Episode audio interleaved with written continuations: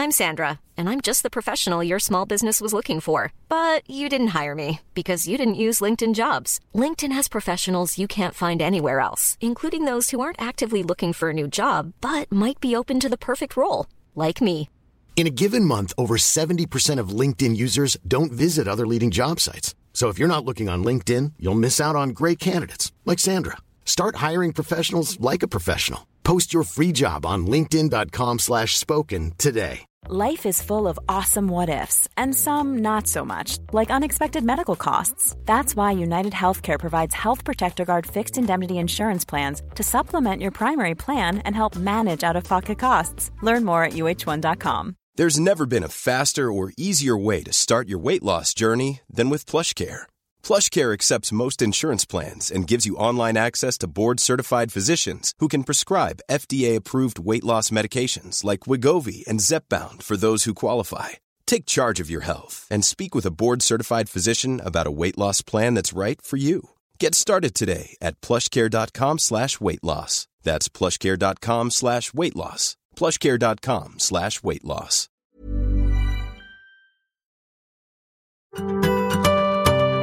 Macradion presenteras av kulander.se.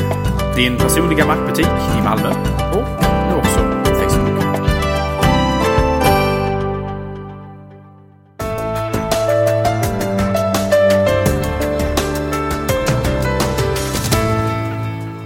Hej och hjärtligt välkomna till Macradion som denna vecka enbart kommer handla om vad som hände för några, några veckor sedan när Steve Jobs gick upp och presenterade en massa bra grejer på VVDC 2010. Keynoten där, en spontan reaktion? Ja, först och främst väldigt, väldigt skönt att se eh, översteprästen. Eh, Steve Jobs på scenen igen. Eh, han såg ju förhållandevis eh, frisk ut. Smal som vanligt, men det har vi ju förväntat oss vid det här laget. Fortfarande med sin eh, svarta polotröja, eh, blå jeans och sina gråa New Balance sneakers. Så väldigt upplyst. Ehm, jag tyckte det var väldigt, väldigt eh, givande keynote. Ehm, intressant för många delar. Ehm, mycket intressantare än många keynote har varit på ett tag nu tycker jag. Intressanta gäster och sådär. Intressanta människor på scenen överhuvudtaget. Men det var inte så jättemycket nyheter får man ju säga. Men... Uh... Nej, det kan, ju, det kan jag hålla med om absolut. Vi visste ju redan mer eller mindre vad som skulle komma. Uh, iPhone 4 naturligtvis. Ja, faktiskt. Fast det inte vad den skulle heta. Och där gissade vi väl egentligen fel då. Kan man ju så här, i efterhand konstatera. Ja, precis. Förhandsspekulationerna hade ju inte nämnt iPhone 4, åtminstone inte som jag hade läst. Nej, och eh, samtidigt så reserverade vi oss från att iPhone HD kändes lite eh, lite gammalt. Gjorde inte det epitetet? Mm. Eh, samtidigt var det precis det vi fick se. Men... Eh, jag tycker ju personligen att jag är väldigt, väldigt förtjust i den här nya och jag hoppas att det är en ny trend inom Apple, alltså att med namnnomenklatur, att man, att man helt enkelt ger dem väldigt enkla namn. Jag hade gärna sett att iPhone från början hette iPhone 1, eller iPhone och sen så iPhone 2 och iPhone 3. Det är väldigt rationellt och väldigt vackert tycker jag, istället för att hålla på med 3G och 3GS som är rätt så kan jag känna ganska trista namn. Men jag tror ju inte personligen att nästa iPhone kommer att heta iPhone 5 eller nästa igen kommer att heta iPhone 6. Utan de kommer säkert få mer sexiga namn. Men, men det, finns, det finns någon inneboende liksom, dragningskraft hos mig till den sortens rationella eh, och sakliga namngivning. Men eh, samtidigt så, eh, vad är det? 5? Får man inte köra Japan eller är det 7? Mm, ja, det kan vara något sånt oturstecken, alltså oturstal. Ja, det kan, ja. det kan mycket väl vara så. Jag vet att det finns ju Eh, hotell och så vidare har ju oftast inte en trettonde våning utan man hoppar från tolfte till fjortonde och ibland finns det inte rum nummer 13 och så vidare heller för att många människor är rädda för just eh, oturstalet 13 vilket ju är höjden av irrationalitet och skrock. ja, just det. Sånt, sånt tror vi inte mycket på här. Nej, Nej här tror vi bara på Steve. Var det någonting som vi inte fick se som du kände att du, att du blev var överraskande? Nej, alltså på något sätt så... Det hade ju spekulerats inför keynoten om man skulle säga äh, mycket annan ny hårdvara. Men å andra sidan så, vid något sätt vid det här laget så vet man ju om att Apple fokuserar gärna på en sak. Och man ville ju inte att någonting skulle hamna och riskera stjäla på något sätt rampljuset från iPhone. Samtidigt som iPhone presentationen hade kanske förmodligen stulit rampljuset från vad, vad, vad annan hårdvara som hade presenterats annars. Det hade ju spekulerats kring att det skulle komma kanske en Macbook Air uppdatering som vi på något sätt eh, vi är i behov av i det här laget och så vidare. Men det dök ju inte upp och Apple TV fick ingen kärlek heller utan det är någonting som kanske kommer då inom den närmsta tiden. Snarare. Ja, det är ju så här i efterhand. Eller ja, det var väl nästan något vi kommunicerade före också. Det var... Det är ju så att man eh, presenterar inte både datorer och annan utrustning samtidigt. Det gör man bara inte. Och eh, det finns vissa saker som är... Eh, Apple har sina naturliga cyklar och sådär. iTunes hade vi någonstans hoppats på. För där, där finns ju någon form av logik ändå. För att iTunes idag har ju nästan, på gott och ont, mest ont, har ju nästan mer med iPhone än, än, än iPoden att göra idag. Faktiskt. Eh, med all synkronisering av alla möjliga roligheter som man gör. Till och med filhantering numera. Eh, så det har inte varit helt ologiskt. Men det, vi får väl se iTunes X, förlåt, iTunes 10 får vi väl se i september då. Antagligen tillsammans med någon molnet eh, det var väl Mobile Me i så fall jag kände att det var lite konstigt. Eh, för det hade ju passat väldigt bra att presenteras om det hade varit någon förändring med det. Men det kanske inte är klart helt enkelt. Eh, och det är ju i och för sig, man körde kör ut betaversionen av mailen bara inte för så länge sedan. Det kan ju vara så att, en, alltså att Mobile Me-förändring på något sätt kan komma i samband just med det som jag pratade tidigare. Så Apple TV kanske. Jag pratade lite grann om att man eventuellt ska börja strömma och så vidare. Och då kanske det är mer relevant för en sådan, att man kanske har något särskilt event för typ journalister och liknande där man pratar om en, en ny version av Apple TV utan hårddisk där det ska strömmas så att man har en Mobile Me som kanske då blir anpassat mer för att kunna eh, ha strömmad musik exempelvis. Och då kombinerat naturligtvis med en iTunes Music Store som blir mer på något sätt webbaserad och så liknande. Så det, det är mycket möjligt att man kanske samkör något event där i framtiden istället. Möjligt. Sen nu i efterhand också när man inte fick höra dem, det fanns ju de som in i det längsta hoppades man skulle få höra något om MacOS 10.7. Uh, eh, och nu när man inte fick det så började ju spekulationer genast att man ska lägga ner MacOS 10 till förmån till iOS. Är det rätt uttal förresten? Uh, ja, om du frågar Steve Jobs eh, så han uttalade det typ iOS. Så att, visst, absolut. iOS 4. iOS. Ja. Ett, att man ska lägga ner MacOS 10 till förmån för det. Och eh, kan inte du förklara i några korta ordalag varför det är helt absurt att tänka i de tankebanorna? Ja, det är egentligen väldigt enkelt. Alltså, iOS är ju på något sätt en avknoppning av MacOS 10. MacOS 10 på många sätt är ju grunden. Man har, I iOS har man ju helt enkelt plockat bort allting som inte varit relevant för de plattformarna. Eh, som, som man hade tänkt att applicera iOS-plattformen på, eller iOS-operativsystemet. Men på många sätt så är, delar det ju många teknologier från början. Eh, så att iOS helt enkelt är en nedbantad version av MacOS 10 Um, där man plockat bort kanske carbon, där man plockat bort andra tekniker som kanske inte har varit relevanta ännu och så vidare. Um, men jag menar, iOS är ju framförallt anpassat för den sortens lite mindre hårdvara. Den är anpassad för uh, den sortens användargränssnitt som vi har sett på iPad, iPhone och så vidare. Uh, Medan MacOS 10 är ju mycket, mycket, mycket mer kompetent, kraftfullt och uh, har mycket mer möjligheter för ja, utveckling av eh, mer avancerad programvara helt enkelt. Och det, är, det känns väldigt tveksamt att Apple skulle överge det till förmån för ett mycket, mycket, mycket mer enklare och nedbantat operativsystem. Nej, jag, jag, tror inte det. Jag tror man måste få, försöka få in eh, någonstans att Apple har flera ben numera och att det är inte allt eller inget. Det är ju så här att eh, MacOS 10 är gjort för kraftfulla datorer med tangentbord och mus. Och Mac eh, iOS är gjort för eh, mobila enheter med, med fingrar. Jag var på Ikea häromdagen och eh, lämnade tillbaka lite grejer från vårt nybyggda kök. Som jag hoppas alla har kollat på. Vi länkade till det i förra avsnittet. Uh, och uh, då skulle jag hitta någonting konstigt. Jag tror det var någon uh, glashylla. I alla fall. Och då har de terminalen nere i hämtlagret. Som givetvis styrs med fingrarna. Men det är ju så att det är någon Windows-historia där i bakgrunden. Så att eh, fingrarna, det är inte så att man när man trycker, eller när jag trycker på en av det är stora fina eh, symboler för kök då, så trycker man på det. Men vad man gör då är att man säger till musen som finns då i MacOS 10 givetvis att... Eh, nej, förlåt. Man säger till muspekaren som finns i Windows att klicka på den här. Och det är ju... Det märker man ju direkt sådär. Vad, vad, vad, varför? Men... Eh, Bortsett från det estetiska jobbiga eller fula, liksom att, man, att man vet att man styr en mus istället för att man har ett modernt system.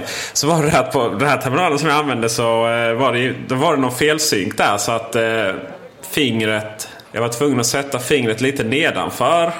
Eh, än vad musen var, eller eh, muspekaren. Vilket gjorde att om jag skulle vilja trycka på symbol längst ner så gick inte det. Jag kunde liksom inte komma så långt ner med fingret för att muspekaren som var några centimeter ovanför, eh, ja, den var för långt upp helt enkelt. Och det är det som är kärnan i det här. Att man ska använda det systemet som passar bra till varje enhet.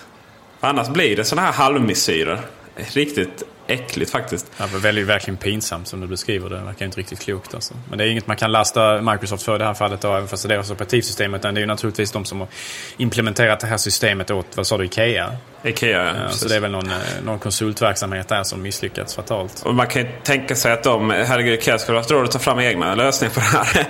Men det, det finns även andra, andra eh, exempel. Jag har en bekant som eh, håller på med intelligenta hem och köpte en eh, sån här embedded PC för hur mycket pengar som helst. Som är då en skärm, pekskärm tillsammans med en och så ligger någon, eh, ja det är en dator inbyggd i den här skärmen då. Tänk en iPad fast som kostar eh, tio gånger mer. Ja, kan inte riktigt. Fem gånger mer kanske. Och ja, då är det Windows XP där. Och det heter ju till och med Windows XP Embedded. Så det är ju liksom anpassat för de här enheterna. Men så fort man ska eh, göra någonting, skriva in någonting, ja, det kommer ett litet tangentbord fram. Och för, och för överhuvudtaget kunna trycka på rätt bokstav här så får man ta fram en penna. För att, eh, alltså vilken penna som helst, eller någonting med ganska spetsigt då. Så får man ju vara still så det inte är för spetsigt för att gå i skärmen sönder. För att det här tangentbordet är alltså, på den här lilla skärmen är det för litet för eh, fingrarna. Normal, normalvuxen mans fingrar. Eh, så då får man ta fram en penna och sådär va. Och, och blir det fel så... Ja, nej. Det, det finns... Världen är full av halvtaskiga halvmesyrer. Uh, för att folk inte har vett att välja och göra saker som är riktigt bra. Som verkligen funkar. Som verkligen är anpassat till det, de grejerna de ska vara till. Så väljer man. Nej, jag, det, jag blir upprörd. Då ser man hur världen hade sett ut om inte iPhone hade släppts av Apple 2007. Hur, vilka, eh, touchtekniken hade kanske fortfarande ännu inte tagit, eh, tagit fart helt enkelt därför att de här halvtaskiga implementationerna som du nu nämner hade kanske varit eh, det enda vi hade haft. Ja, det hade det minsann varit. Vi har suttit och använt Sony Ericsson-telefoner som, inte gick och, som knappt gick att synkronisera eh, och som knappt gick att uppdatera mjukvaran innan det kom en ny och eh, varit långsamma. Och, oh, vi går vidare helt enkelt och pratar om lite roliga saker. Absolut. Och eh, iPhone 4. Formen. Den har vi ju sett. Men eh, visst var den trevligare i så kallad verkligheten. Vi har inte fått den i våra händer ännu. Men eh, Apple har ju en tendens. De är lite bättre på att ta bilder än eh, spionsajter om man säger så. Även fast Gizmodo fick väldigt mycket tid med den här prototypen som de hade kommit över så hade de inte lyckats presentera det på samma estetiskt tilltalande sätt som Apple i sina produktfotografier och även, tycker jag på många sätt, andra journalister när de väl fick stå med den i handen och ta bilder och sådär. Så man, eh, man, kan verkligen se hur, vilken gedigen kvalitet, byggkvalitet den här saken, eller den här iPhonen faktiskt har. Um, och den förvånade ju på vissa sätt ändå. Eh, vi visste ju, vi hade ju sett bilder på den sedan tidigare, men visste ju inte exempelvis att både bak och framsida faktiskt var av glas. Det hade ju spekulerats lite grann kring keramik på baksidan och så vidare för att keramik skulle släppa igenom radiosignaler bättre. Men det visade sig att Apple hade en väldigt fyndig lösning på, på detta och det var ju naturligtvis att man helt enkelt satte in, byggde in radiomottagaren i eh, den här eh, kan man säga, metallringen runt omkring. Alltså den här eh, konstruktionen som för övrigt var av rostfritt stål istället för av aluminium som många trodde att den var när man såg prototyperna. Aluminium hade ju känts som en ganska naturlig utveckling med tanke på att Apple använder sig väldigt mycket av aluminium i andra produkter. Både naturligtvis de bärbara produkterna, alla utom Macbook och iMacarna och även de externa tangentborden och så vidare. Men det visar sig att man körde av rostigt stål för att det kan alltså användas som en antenn, någonting som aluminium inte eh, möjliggör. Och det visar också på att de här tre skarvarna som, som fanns på iPhone 4, eh, de hade ju inte bara en estetisk funktion eller sådär utan de används förmodligen också för att bryta den här elektriska kontakten mellan de här eh, olika antenndelarna. För att det finns olika antenndelar som de här eh, rostfria stålet så att säga eh, sköter om. Eh, och det verkar vara en väldigt, väldigt fiffig lösning det här med att man sätter antennen just i en så pass stor del av själva telefonen. För då borde man ju rimligtvis få väldigt bra signalmottagning också. Eh, en sak som kanske inte så många känner till, men det är faktiskt att man hade, hade lite sån här, eh, lite, lite sån här teknik även på de tidigare telefonerna. Både på iPhone 3G och iPhone 3GS så hade man ju kopplat den här ringen eh, kring hörlursuttaget på ett liknande sätt för att kunna förstärka mottagningen på de här telefonerna. Så att där använder man också den som en slags antenn. Har inte även kameran där, den här ringen runt kameran? Mm, kan mycket, mycket, mycket möjligt, ja. Det, det, har jag inte hört, men det är mycket möjligt att det stämmer också. Så att man, man har varit, varit smart så här även tidigare, så att säga, med så här fiffiga lösningar. Men nu har man verkligen tagit det steget längre. Onekligen. Ehm, eh, man, jag var ju ganska säker på att de här ehm, ja, vad kallas det, de här strecken var eh, del av en prototyp och så vidare. Så här i efterhand så ser det logiskt ut. Men jag kan inte riktigt komma fram till om jag tycker det var bra eller dålig lösning förrän jag har den i handen antagligen. Nej, precis. Alltså, men men om, man bara, om man bortser lite grann från estetiken, för det kanske inte, jag menar, det, det, förhöjer väl inte det estetiska värdet av telefonen, men om man ser det mer ur en ingenjörsperspektiv, alltså att det, det är en nödvändighet för att just den här väldigt smarta antennimplementationen ska fungera, eh, då helt plötsligt så tycker jag att, eh, att det lyfter luren istället och gör det, gör det bättre. Alltså om man, om man inte bara man lyfter sig från det, liksom det ganska snäva estetiska perspektivet och ser det lite mer från det hållet. Även ingenjörer eh, är esteter kanske? Åtminstone om de jobbar på Apple. Ja, precis. Skärmen å sin sida eh, ska ju då vara så högupplöst att det inte går att eh, ja, uppfatta pixlarna. Uh, fått lite kritik för detta. Vissa menar på att det är falsk marknadsföring medan en hel del andra, inklusive någon som har kalibrerat ett sånt där stort litet teleskop ut i rymden, Hubble, uh, menar på att det är alldeles korrekt. Den diskussionen kan vi ju länka till uh, också. Men eh, vad jag vill veta är hur viktigt är skärmen egentligen? Tycker du? Ja. Ja, jag skulle väl säga att det är det absolut viktigaste på hela enheten. Jag menar, vad är iPhone om inte skärmen? Allting annat är ju sekundärt och nästan irrelevant jämfört med skärmen. För skärmen är ju liksom fönstret in i programvaran och programvaran är ju iPhone. Precis som programvaran och, och fönstret, alltså skärmen på iPad är också liksom det enda som egentligen räknas. Det är ju liksom allt, det är ju allt med den här enheten. Jag får en känsla av att eh, man... Eh, jag vet inte. iPhone...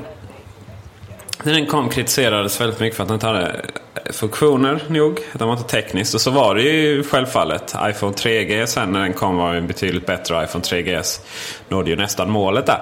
Men ändå så blev den väldigt stor för att de andra mobiltelefonerna som hade de här funktionerna. Eh, ja, de var ju så värdelösa så de knappt gick att använda på riktigt. Och sen så eh, men istället för att förbättra de här grejerna så, eh, så fyller man fortfarande på nya funktioner. Och till exempel när det kommer till Sony Ericsson X10 som är en ganska snabb telefon. Men då har man misslyckats med skärmen. Så skärmen är den felande länken i den. Så den känns långsam. Telefonen är snabb men skärmen är långsam. Uh, och Medan Apple gör tvärtom. Och det är ju för mig det som gör att telefonen är så fantastisk att använda på ett vardagsmässigt plan. Då. Jag menar, vi nördar kan ju sitta och diskutera hur fantastisk den är på alla sätt och vis. Men just när det kommer här till det här vardagliga så det är ju där den, den slår ut. Men ändå så känns det som att alla iPhone-användare hade hoppats på en massa andra saker ospecificerat. Liksom någon form av det spelar ingen roll vad det är, bara revolutionera. Och skärmen i sig, att den är bättre kvalitet, det revolutionerar inte. Hur, hur känner du där? Jag tycker snarare tvärtom att jag tycker det är oerhört, eh, en oerhört klar förbättring. Många hade kanske hoppats på OLED-skärmar men problemet med OLED-tekniken är ju faktiskt att de är väldigt svåra att använda i, i verkligheten, det vill säga utomhus. De har en tendens att bli eh, svåra att urskilja eh, i solljus och så vidare. Och det finns brister med den här tekniken. Eh, jag tror inte OLED går att liksom, producera med den sortens eh, eh, skärpa heller som man har lyckats få fram nu i och med de här nya eh, Retina Displays som Apple kallar dem. Um, jag tycker att det känns...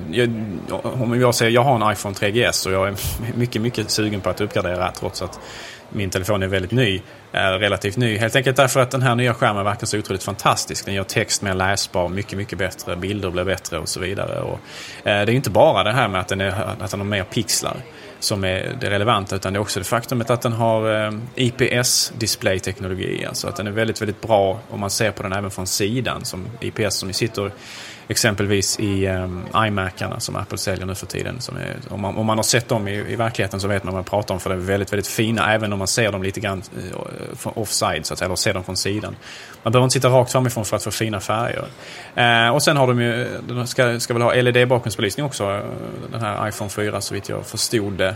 Uh, vilket ju gör att den får väldigt, väldigt ljusskarp bild. Och sen slutligen så Någonting som Apple pratar lite grann om i sin video också är väl att den har någon slags ny lamelleringsteknik där man alltså helt enkelt på något sätt fäster glaset mot själva LCD eller den här eh, själva skärmen så att det inte finns något mellanrum däremellan vilket då innebär att man inte får de här ljusrefraktionerna som man annars kan få. Eh, vilket innebär att skärmen blir ännu klarare och ännu tydligare och det också innebär att det inte kan finnas risk att det hamnar damm och så vidare däremellan. Det har nog en hel del råkat ut för att man har haft otur med att det har kommit in just smuts emellan själva glaset och själva, själva skärm, skärmen helt enkelt. Och därmed så kan man inte mycket markera rört utan att öppna telefonen. Det går ju visserligen på garantin så vitt jag vet. Men eh, det, ska, det är som det stämmer, det ska vara borta den problematiken. Mm, och det är välkommet. Det är väldigt välkommet. Eh, för, sen nu är frågan här hur det är med hållbarheten eh, när vi ändå pratar det. Eh, glas fram och bak. iPhone är en väldigt hållbar telefon så länge man inte tappar glaset rakt ner i en kant. Det ska bli väldigt spännande att se hur vad försäkringsbolagen säger. Det var ju, Folksam var ju snabba ut och körde lite poäng där på att iPhone var den telefon som man lämnade in mest på. Och sen konstaterade man att det berodde på att dels var det glas men framförallt också för att den var mycket dyrare. Eller väsentligt dyrare än många andra telefoner. Sådär. Det ska bli spännande att se vad, hur det ser ut med försäkringscasen nu när även baksidan är glas. Ja, alltså Apple hävdar ju att det finns enbart fördelar här, eller åtminstone väldigt många fördelar. Det framförallt så är glaset mer, mer reptåligt än vad plasten som vi hade tidigare. Helt klart mer estetiskt också om du frågar mig. Um, Apple påstår ju att det här är lika eh, ett, ett, glas lika tåligt som eh, Safirglas och att det har en styrka som är 30 gånger större än plast. Nu, får man ju naturligtvis säga att det är ospecificerat vilken plast man menar och så vidare. Det finns ju olika versioner av plast. precis, som precis som det finns olika, olika liksom glassorter. Så jag vet ju inte riktigt vad de menar där. Men, men, men, men om man tittar på den här videon som ackompanjerar iPhone 4-releasen här nu så, så visar de ju en sekvens där man böjer det här glaset som man har på iPhone med en robothand som böjer det. Och det ser ju väldigt imponerande ut för glaset är verkligen böjbart utan att det, utan att det smäller. Och det, så är det. Samtidigt är det ju det här med en vass kant rakt ner dig? Mm, jo, jo, precis. Alltså, visst är det så. Eh, man gäller fortfarande hålla i telefonen ändå. Den är ju inte oförstörbar. Men, uh, ja, jag, jag, det, det återstår att se naturligtvis. Det, har, det, var någon sajt som hade kommit över, inte en hel iPhone 4 utan bara själva skalet med glaset då. Uh, och som hade kastat den i marken för att prova och då visade det sig att ja, den gick ju mycket väl sönder. Eh, men det beror på hur många gånger man kastar det eller tappar det och mot vad och så vidare också. Så att, och sen så, sen så vet vi inte, det här kan ju ha varit en prototyp, ett prototypomslag. Alltså det kan inte vara samma glas som hamnar i slutprodukten och så vidare. Egentligen så kan man inte göra något riktigt, eh, riktig bedömning av detta förrän folk börjar få de här produkterna i händerna och kan börja liksom tappa dem. Jag är väl ganska övertygad om att även den här iPhonen kommer och eh, det går bra att eh, köra ner en mixer och, och krossa den. den kommer ju inte vara oförstörbar naturligtvis. Eh, det återstår att se hur den klarar vardagslivet så att säga. Apple hade ju en, eh, för första gången så vitt jag vet eh, en egen eh, produkt för att skydda iPhone från just tappskador och så vidare som de kallade för bumpers. Det är knappt någonting som man hittar på Apples sajt för det är väldigt välgömt bland iPhone 4-tekniken. Det är alltså någon slags om det är gummi eller vad det är som man sätter, man trär över själva eh, den här rostfria ståldelen av telefonen och som sen då ska skydda mot att man tappar den och så vidare. Och den finns då i lite olika färger, allt från svart, gult, rött och grönt och sådär. Eh, det är en produkt som, eh, jag vet inte, det kanske blir en, stor. Jag vet inte, vad, vad händer där egentligen? av alla grejer man kan sådär, ja nej men vi släpper ett par fodral för det finns det ju inte tillräckligt gott om. Nej, men Apple hade en egen lösning här som säkert många kommer att replikera och försöka förbättra och så vidare. Men det är väl lite grann som med eh, iPod Socks. Liksom. Det, är, det är inte så många som köper dem, men, men, Apple måste kanske ha någon sån produkt ändå för att man kan säga att eh, vi har en lösning om folk är ute efter det. Någonting. Det var väl många som köpte iPod Sock, herregud. Jag har köpt flera gånger. Ja, jo, jo, jo. När de väl släpptes, ja, men de säljer ju inte bara idag. Nej, det gör de inte. Jag vet inte ens om de finns kvar. Jo, det har jag sett. Är det så? Ja, ja Jansson ja. Data Helsingborg har i varje fall, så mycket kan jag säga. Ja, jag tror inte vi har på Kolander. Men eh, det är ju faktiskt den enda, enda fodralet som har, i princip har funnits alltid och dessutom passar alla. Ja, precis. Utom möjligtvis den uh, iPod Shuffle, den senaste. Ja, de är ju väldigt elastiska de där, eh, de där iPod Socks-produkterna. Så att de, de passar, precis som du säger, över det mesta. Man kan säkert använda det över sin vanliga icke-Apple-tillverkade mobiltelefon också om inte den är alltför stor. Så att, eh, ja, de är väldigt användbara de där sakerna. Och ganska... Hey, it's Sharon and here's where it gets interesting. Raise your hand if you want salon perfect nails for just $2 a manicure. Yeah, me too. With the and June Manny system, you can say goodbye to expensive services that take hours and hours and love your nails more than ever. I would know I've been doing it for years. Get 20% off your first Manny system with code PERFECTManny20 at oliveandjune.com slash PERFECTManny20. That's PERFECTManny20 at oliveandjune.com slash PERFECTManny20. Life is full of awesome what ifs, and some not so much, like unexpected medical costs. That's why United Healthcare provides Health Protector Guard fixed indemnity insurance plans to supplement your primary plan and help manage out of pocket costs. Learn more at uh1.com. Hiring for your small business? If you're not looking for professionals on LinkedIn, you're looking in the wrong place. That's like looking for your car keys in a fish tank.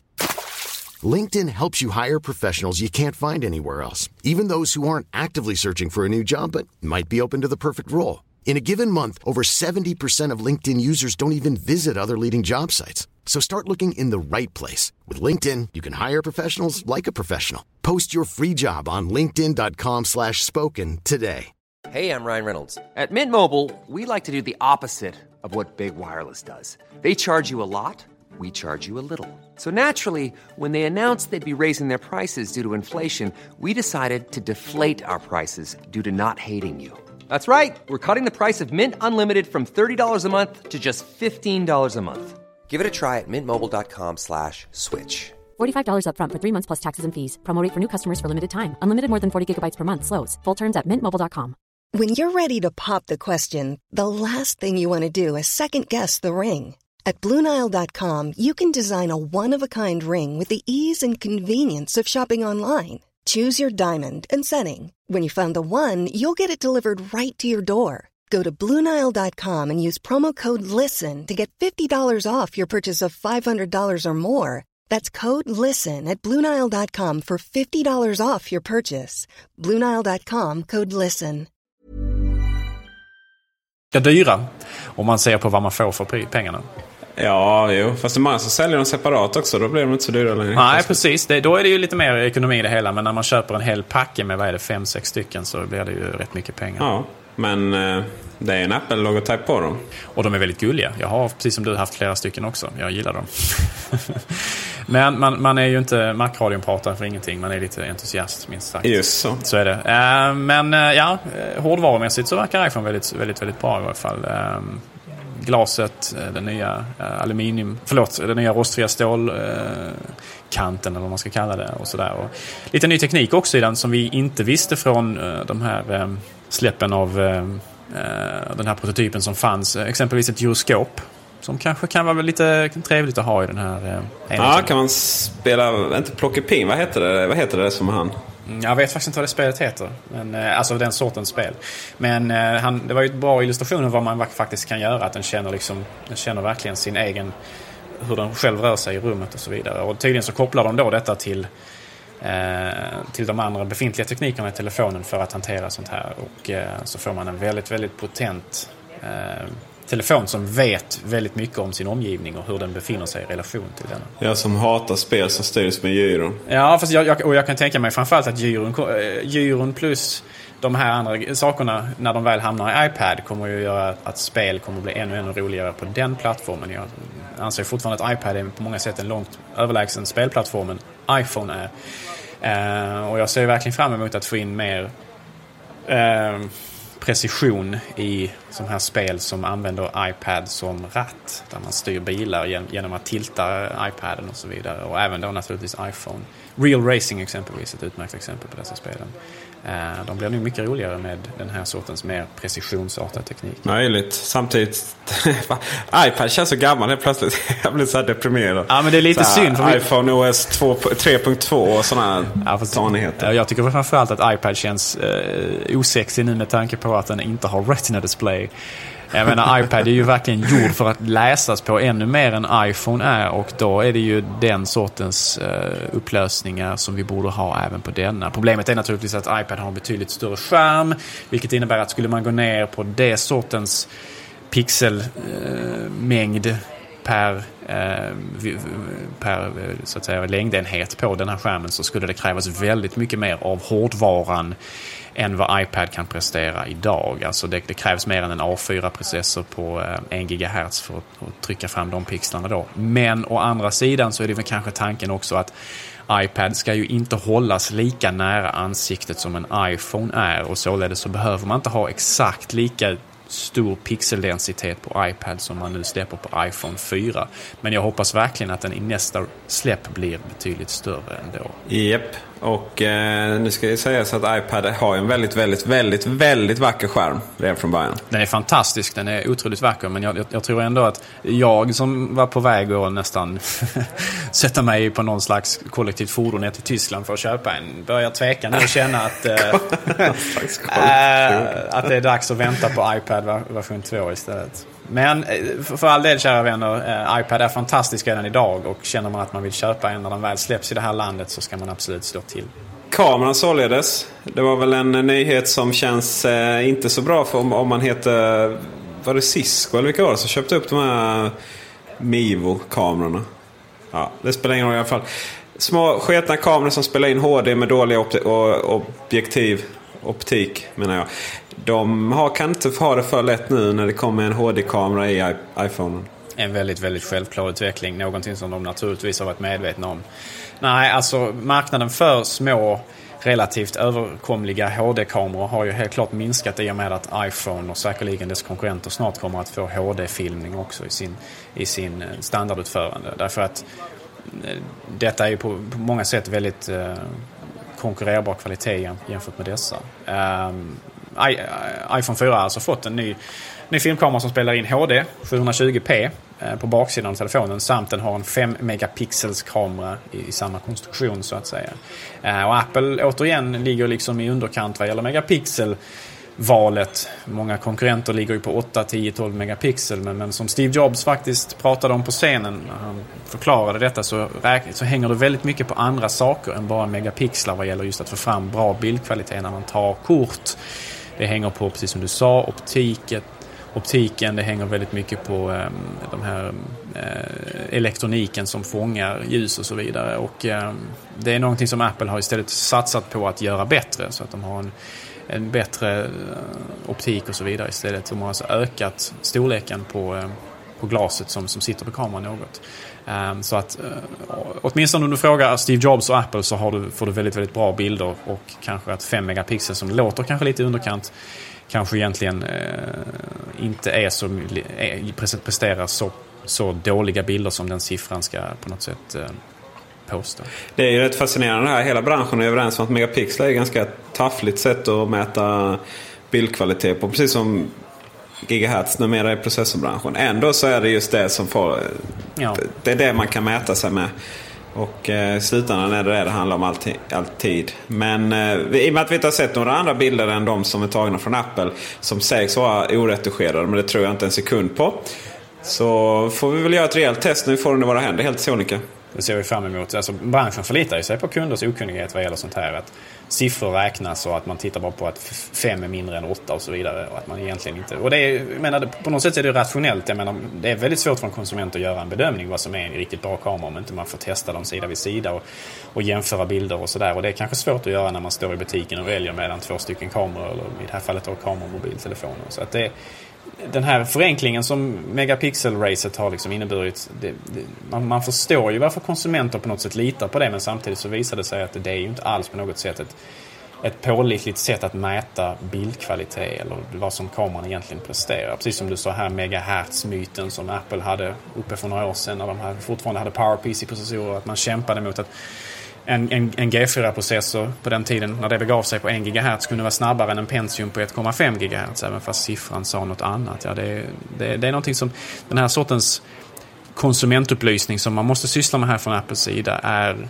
ack så nödvändig men väldigt svår att egentligen eh, få någon större penetration på i, i de breda massorna. Problem, problemet med just det här var ju att Apple hade fel i och för sig.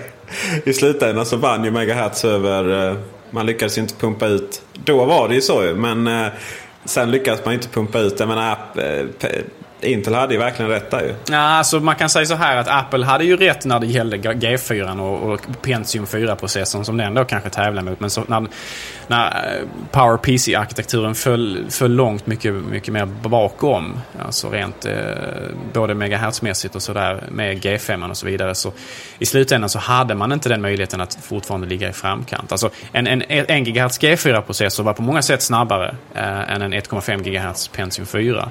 Och absolut om du jämför med Celeron-processorerna. Eh, så Apple hade rätt på sitt sätt, men i slutändan så kunde man liksom inte vinna över Intel ändå för att det fanns otroligt mycket resurser och arbete som låg bakom att förbättra Pentium-arkitekturerna och Core, Core Duo-arkitekturerna och så vidare som kom efter det. Så att, jag vill nog påstå att Apple hade rätt på sitt sätt, men, men samtidigt i slutändan så kunde man liksom inte vinna det ändå för att eh, resurserna bakom PowerPC-arkitekturen var betydligt mindre. Rätt men ändå fel alltså? Ja, rätt, fel, rätt, rätt. rätt vid sin tidpunkt. Men det slutar ju ändå med att Intel vann inom citationstecken därför att man hade helt enkelt eh, många övertag som inte gick att komma, komma till. Ja, de kombinerade resurserna oavsett vad de lades på. Om det var fler kärnor, utveckling av jag vet inte vad och eh, gigahertz och megahertz. Så, så totalt sett så var det ju såklart att Intel vann. Men det, är ju, det lärde sig Apple och när det kommer till att utveckla processorer till iPhone och iPad så är det ju dess egna. Eller ja, i alla fall. Eh, det är ju ARM-processorer men det är dess egna specifikationer i alla fall. Mm, man har väl gjort några egna tweaks på dem och så vidare. Man har ju ett helt team på Apple som arbetar med den här framtidens teknik vad gäller processorer. Så det, det är nog bara början det här. Vi kommer säkert att se en A5-processor inom inte allt för långt, lång tid, kanske ett år till nästa iPhone 5 då eller vad det nu kommer att heta. Och den kommer säkert ha dubbla kärnor och allt det där. Så det kommer säkert bli mycket prestanda av den också. Men eh, ja, hårdvarumässigt eh, väldigt intressant. Sen har vi ju naturligtvis en annan förändring som vi pratade om tidigare, precis som vi tog upp det här. Att iPhone OS 4 har ju nu döpts om till iOS 4 istället. Uh, vilket ju är ett namn som Apple har licensierat från Cisco, som vi pratade om tidigare. Uh, tydligen så har Cisco kallade ju iOS för det var ett namn som Cisco använde. Det betyder Internet Work Operating System som man använder till sina routrar och så vidare för att driva dessa. Um, och nu har alltså Apple då licensierat här namnet från dessa.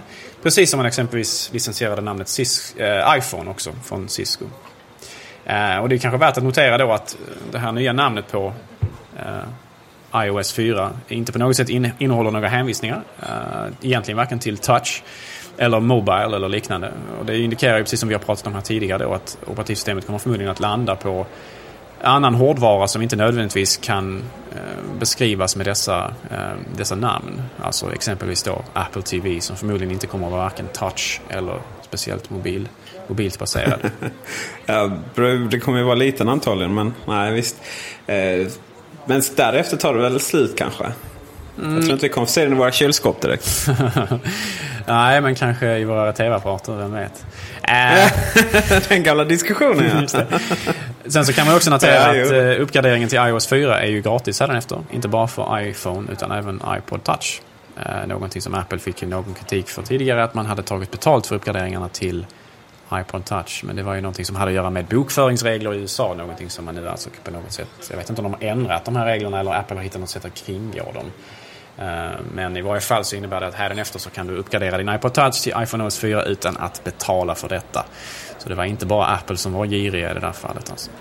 Nej, de kanske. Det var ju så att de skrev ju av iPhone och till och med Apple TV i flera år där, intäkterna. Precis, man redovisade Medans... dem över flera kvartal. Just det, flera kvartal. Uh, mer som man inte gjorde med iPod Touch, men det kanske man har ändrat nu. Uh, det gäller ju såklart inte de första generationerna. Nu, iPhone har varit med oss så länge så att den första börjar bli ganska gammal. Herregud, det var ju tre år sedan. Då var jag ju bara knappt född. Video uh, har vi pratat om, men iMovie kommer du redigera dina filmer på iPhone nu? Känns ju väldigt avlägset, eller hur? Det är ju säkert någonting för de som är out and about och vill kunna göra en väldigt grov eller väldigt enkel redigering när man har filmat något kul på en djurpark eller någonting och, och mejla till vännerna. Men i slutändan så är det ju fortfarande Macken som kanske då med iMovie och liknande lösningar är mer relevanta för de som vill göra lite mer professionellt och ha lite mer, lite mer kraft och styrka bakom sina, sina redigeringar. Sen så naturligtvis kommer väl iPad också att få den här tekniken så småningom. Just det, det jag tänkte på. vad trevligt att bara koppla in sin iPhone till iPaden och föra över grejerna. Eller ja, via molnet då gärna. Men där är lite det liksom att det, väl, det kan bli rätt mycket utrymme. Så att det, sladd är ändå att föredra där. Uh, så att... Uh, men där, att, man, att man slipper gå via datorn. Det kan bli riktigt bra faktiskt. Precis. Sen så har ju Apple en annan eh, videolösning här nu som man har varit väldigt, väldigt eh, måna om att pusha i och med iPhone OS 4-släppet. Det vill säga en framåtriktad kamera istället, alltså som, som användaren själv kan använda för att videochatta. Ett koncept som kanske inte kommer som en nyhet för många i den här delen av världen där videochatt på många andra sätt har ju ändå funnits i andra telefoner och sådär. Men Apple försöker nu alltså på allvar ta den här tekniken till massorna. Det vill säga amerikanska medborgare istället. Ehm, och eh, Facetime kallar man det. Det är alltså en lösning för att videochatta som man menar på kommer att vara otroligt, otroligt stor. Man la väldigt mycket vikt vid just den här tekniken i sin, eh, den här videon, presentationsvideon man har med diverse högdjur inom Apple-organisationen. som uppenbarligen har barn och vill se dem i ansiktet. Som uppenbarligen jobbar väldigt mycket övertid i Cupertino och kan ringa sina barn via videochatt för att överhuvudtaget komma ihåg hur de ser ut, ska jag tänka mig. Någon kanske borde, ja, precis, någon kanske borde installera iChat på det. De, där datorerna de har. Men eh, jag kände väl lite så här synd. Oj, men vad, vad kommer... Eh, vad kommer eh, datorerna in i det här? Det hade varit väldigt trevligt att göra ja, någon form av vision att iChat krävdes. så att det kommer, skulle spridas också det till massorna. Men det är såklart att det här är ett mycket enklare sätt. Och, och ja, även om videoredigering, eller videoredigering, även om videosamtal har funnits väldigt länge. Kom ju för en herrans massa år sedan här i våra 3G-nät så är det ju faktiskt ingenting som man har använt. Jag vet de första kamerorna, antingen hade de både en kamera fram och bak eller så hade de vissa Sony Ericsson-modeller, om det var bara en kanske. Hade ju en kamera som man kunde vinkla både fram och bak. Men sen så försvann ju det här rätt hårt. Och det är väl antagligen så. Jag tror den stora skillnaden här är att man eh, då var man tvungen att ringa videosamtal här för mig. Och eh, Medan här är det mer att man ringer ett samtal får man för sig att man vill titta varandra hångla upp varandra via telefonen så är det bara att trycka på Facetime och så kommer bilden. Ja, precis. Det, det, det, det tror jag tror är den stora skillnaden faktiskt. Ja. Att det inte kommer vara en jättestor skillnad faktiskt. Det tror jag också. Det kommer säkert vara mycket mer... Eh, den här tekniken kommer att, kommer att användas i långt mycket större utsträckning. Vad jag har förstått, utan att jag på något sätt har använt videosamtal tidigare eh, via telefoner, så, så vitt jag har förstått det så har det varit vissa problem med olika tillverkare med konfigureringar och så vidare. Och det har varit lite kludd med att få igång det och sen att eh, hitta någon telefon som, som man kan ringa som faktiskt stödjer det och så vidare. Men allt eftersom Uh, iPhone blir mer och mer populär. Jag menar, många av mina vänner använder iPhone redan som kanske inte är Mac-användare egentligen. och Så, där. så att eh, revolutionen sprider sig och då kommer den här tekniken också att finnas hos allt fler människor. Sen så är ju naturligtvis integration med iChat och dess video chattfunktioner en ganska självklar utveckling som jag hoppas vi kommer att få se. Skype också naturligtvis kommer förhoppningsvis att kunna använda sig av den här kameran och kanske till och med Skype-chatta via mot, mellan iPhone 4 och Skype-klient på en dator och så vidare. Det är, ju, det är ju integration som känns naturlig och som säkerligen kommer att komma. Apple har ju gjort en öppen specifikation kring det här Facetime nu så att man vill ju att andra mobiltelefontillverkare och kanske även datortillverkare ska anamma den här tekniken och göra den standardiserad så att det, så att det verkligen sprider sig även utanför vår lilla vår lilla, eh, vår lilla värld. Så är det ju. Jag tror att om något år så när vi sitter där och videochattar hej vilt med varandra så kommer vi nog glömma bort att det fanns, rent tekniskt gick det att göra innan men i praktiken var det ingen som gjorde det. Och så har Apple uppfunnit ytterligare en eh, liten eh, teknik här i världen som underlättar våra liv. Man har återigen kan man säga implementerat en, en, en, en eh, ett koncept som har funnits sedan tidigare men Apple tar det, gör det bättre, gör det tillgängligt på ett sätt som ingen annan lyckats med förut. Precis som man har gjort med så mycket annan teknik tidigare. Det är precis som, eh, ja, precis som resten av iPhonen. Precis. Man är ju, man, det är väldigt lite som är extremt cutting edge och nytt men, men man, man revolutionerar på det sättet att man tar befintliga, eller, befintliga koncept och gör dem användbara. En annan rolig sak med det här med VVDC-eventet som jag tyckte det var ju att eh, man såg ju, eh, åtminstone om man som jag följde det, inte från app från, från eh, Peter Esses lilla event nere i Malmö utan att man följde det hemifrån via de här bloggarna. Så såg man ju att VV, VVDC inte släppte in Gizmodo-journalister utan att Gizmodos sajt fick använda sig av andra bloggars bildmaterial och även man fick göra referat av deras referat i sin så kallade rapportering från den här keynotet. Um, och det är ju en behandling då som naturligtvis jag kan tycka känns varken oväntad eller speciellt orättvis med tanke på då konflikten Nej, som har legat i med Apple. Man har ju på många sätt inte förstört men åtminstone tagit glansen ifrån den här iPhone 4-släppet på, på ett sätt som ingen, väldigt, väldigt få andra skulle kunna lyckas med. Så man får väl anta att um, ja, Jason Chen, Gizmodos chefredaktör, står väl inte längre på Steve Jobs julkortslista om man säger så. Tror du, eh, tror du det här kommer att fortsätta? Eh, tror du man kommer att... Vi kommer, det här kommer att vara smart. Innan varje stor event så kommer vi veta precis vad som händer. Alltså det, Apple läcker ju verkligen nu verkligen på ett sätt som de inte gjort tidigare. Det, här, det blir allt svårare att hålla hemligheter undan. Därför att man har många andrahandstillverkare och tredjepartsleverantörer. Och det är väldigt många människor som ska involveras i förhandlingar med diverse innehållsleverantörer och så vidare. Och man, Apple förhandlar med inte bara skivbolag och filmbolag och, och sådär utan även naturligtvis AT&T och andra sådana här eh, eh, leverantörer utav tjänster som, som är knutna till Apples teknologi.